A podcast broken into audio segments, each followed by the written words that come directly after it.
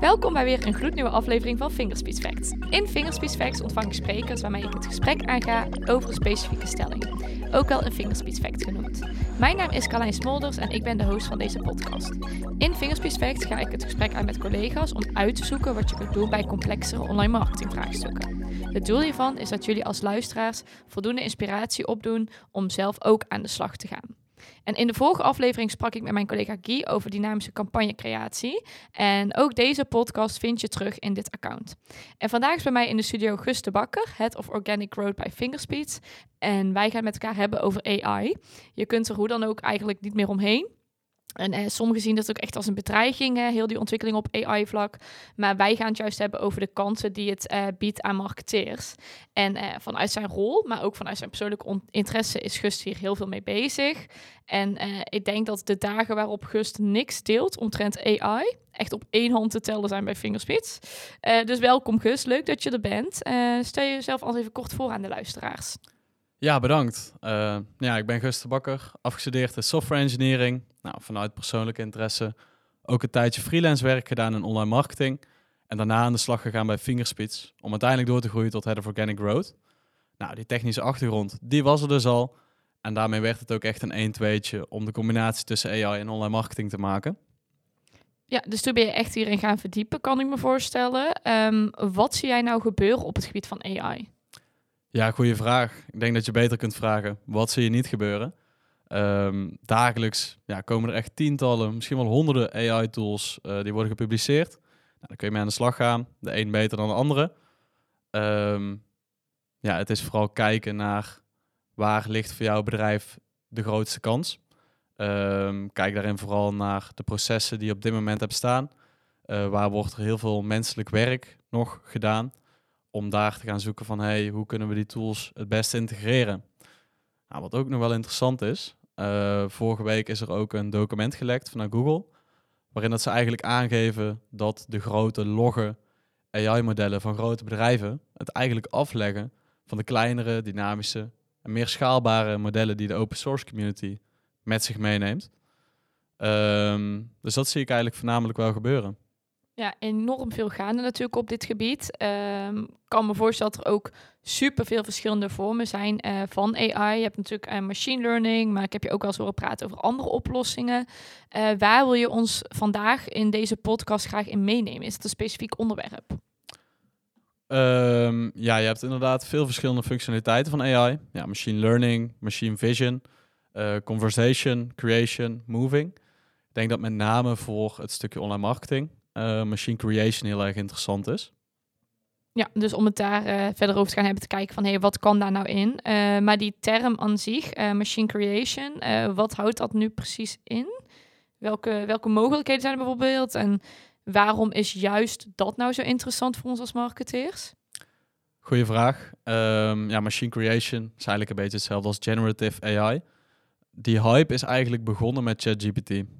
als je kijkt naar de tijd die bedrijven nodig hebben gehad om tot 100 miljoen gebruikers te komen. Ja, daarin heeft Google Translate iets van 72 of 78 maanden gedaan. Instagram uit mijn hoofd iets van 30 maanden. TikTok 9 maanden. Ja, ChatGPT heeft dat gewoon in twee maanden gedaan. Dat is echt bizar, hè? Hoe snel dat gaat. Ja, echt niet normaal. Um, en als je dan kijkt naar generative AI, wat het inhoudt, is dat het eigenlijk de productie uit handen kan nemen en dat het eigenlijk aan menselijke normen voldoet. Dan denk je met name aan code, dus het schrijven van, van software, uh, teksten, audio, video, afbeeldingen. Um, ja, ChatGPT is natuurlijk heel erg gericht op teksten. Ook zij zijn aan het ontwikkelen om meer functionaliteiten toe te voegen. Uh, GPT-4 heeft bijvoorbeeld ook al de mogelijkheid om dingen met afbeeldingen te doen. Maar ze zijn nu ook datavisualisatie aan het toevoegen, waarmee dat je ChatGPT eigenlijk een uh, databron kan voeden, waarmee dat ze zelf data gaan visualiseren en daar regressies bijvoorbeeld op gaan draaien. Um, maar je kunt het bijvoorbeeld ook inzetten, een stukje generative AI met Midjourney. Dat is een andere tool waarmee dat je een prompt meegeeft en wellicht een cameramodus of lichtinval. Je kunt het zo gek niet bedenken. Waarmee dat je eigenlijk al een hele goede afbeelding kunt genereren die je ook echt in je marketing kunt gaan gebruiken. Nou, daarnaast zou je eventueel ook uh, zelf een afbeelding kunnen uploaden en kunnen zeggen van hé, hey, ga hier maar bepaalde dingen mee doen bijvoorbeeld voor een, uh, voor een klant die met name gewoon standaard productafbeeldingen heeft voor Google Shopping, eh, kunnen we met één prompt gewoon echt een hele reeks aan sfeerafbeeldingen genereren.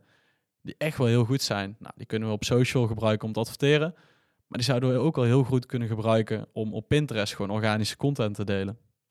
Dus wat je dan eigenlijk doet, is dat je uploadt een uh, standaard productafbeelding en die tool die genereert dan de hele sfeerfoto. Ja, klopt. En dan is de ene nog wel beter dan de andere. Ehm, maar over het algemeen zit daar vaker wel minimaal één afbeelding tussen die je heel goed kunt gebruiken in productie. Ja, dat je altijd wel gewoon bruikbare content hebt en dus sneller voor elkaar krijgt wanneer je zelf dat product moet gaan plaatsen op verschillende plekken. ja, eh, inderdaad. En je kunt het ook echt gebruiken om, om bestaande dingen te editen. Ehm, ja, deze podcast die we nu opnemen, stel dat we die zouden filmen, ja, dan zouden die heel makkelijk met een bepaalde tool uh, kunnen hervormen om relevant te maken voor verschillende platformen. Je kunt je natuurlijk voorstellen dat uh, een stuk content wat je op TikTok deelt, ja, dat is heel anders dan iets wat je op, op LinkedIn deelt. Nou, en met behulp van AI kun je dat omvormproces gewoon heel efficiënt maken. Ja, dus je zegt van nou, je maakt eigenlijk één keer content en dat zet je echt op verschillende manieren om door AI, om het ook op verschillende manieren weer te kunnen inzetten voor verschillende kanalen, verschillende doelgroepen misschien zelfs.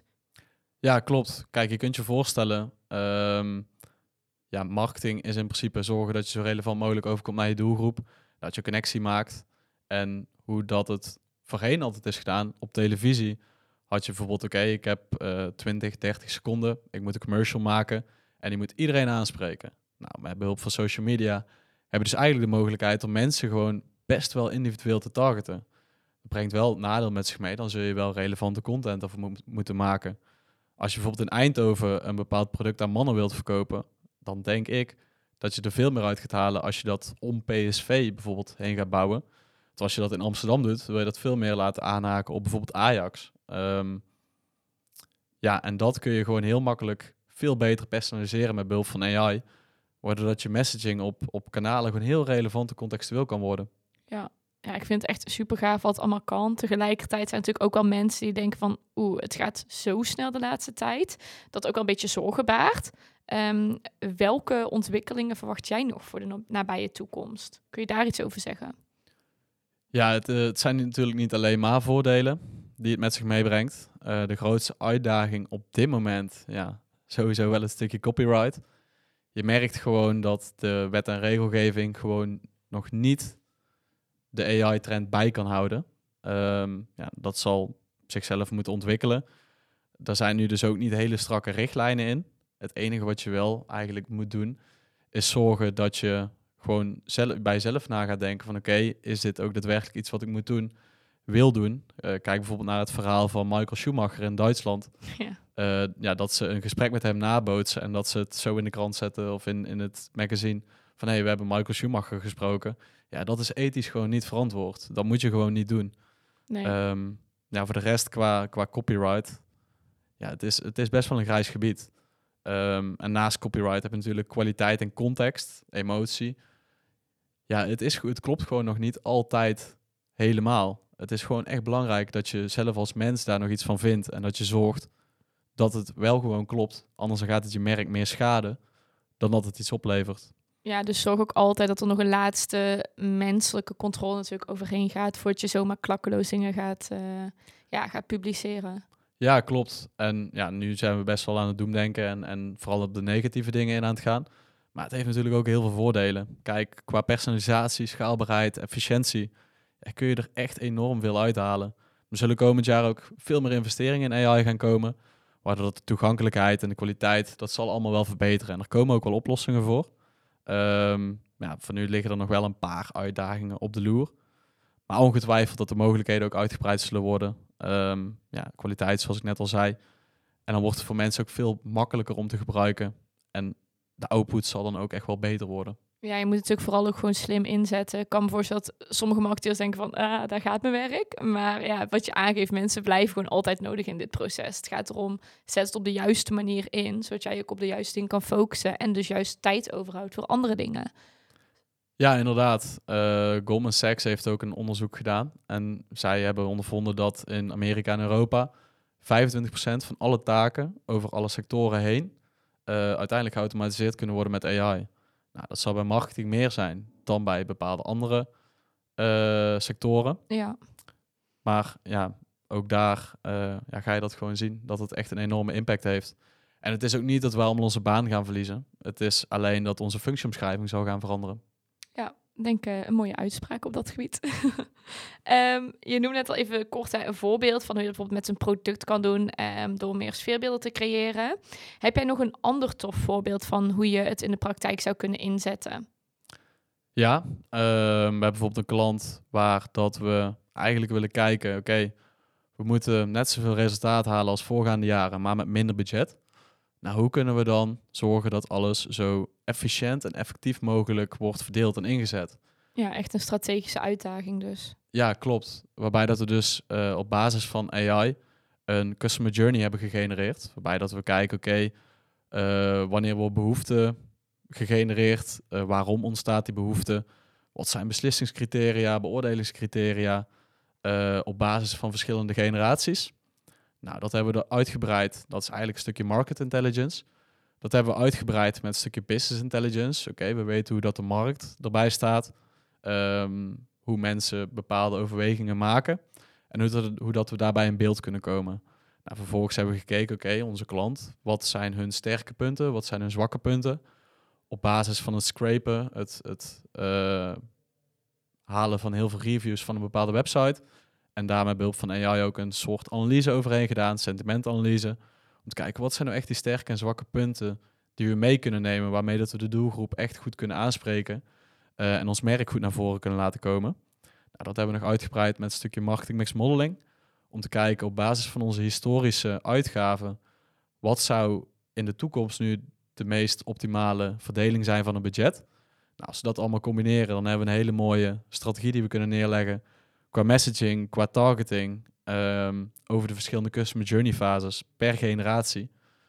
Waarmee dat we die mensen gewoon heel relevant en contextueel uh, ja, kunnen bereiken. Om uiteindelijk dan dat budget zo effectief mogelijk te verdelen. Ja, wat ik heel grappig vind eigenlijk aan deze en ook juist heel sterk, is dat je denkt vaak van, oh, AI is leuk voor de uitvoeren. We vragen ChatGPT iets en uh, er rolt een tekstje uit of we gebruiken die visuals. Maar dit is juist een hele strategische uitdaging. Ik denk dat dat misschien nu nog hè, dat AI daar nog iets minder voor wordt gebruikt. Het eigenlijk juist super relevant is en super sterk om daar meer mee te doen.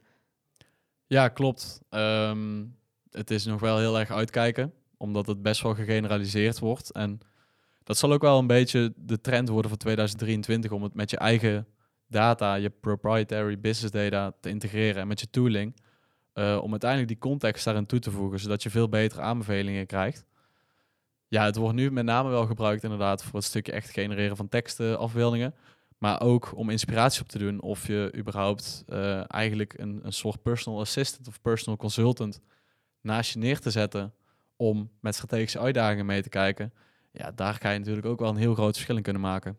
Ja, wel grappig, want ik denk dat wij allemaal heel erg geholpen zijn met een personal assistant. Nou, hier is AI. Ja, klopt. Ja, dus echt, laat het voor je werken. Werken mee samen en ja, doe het als laatste nog zelf die check. En daarmee um, realiseer je dus echt efficiëntie.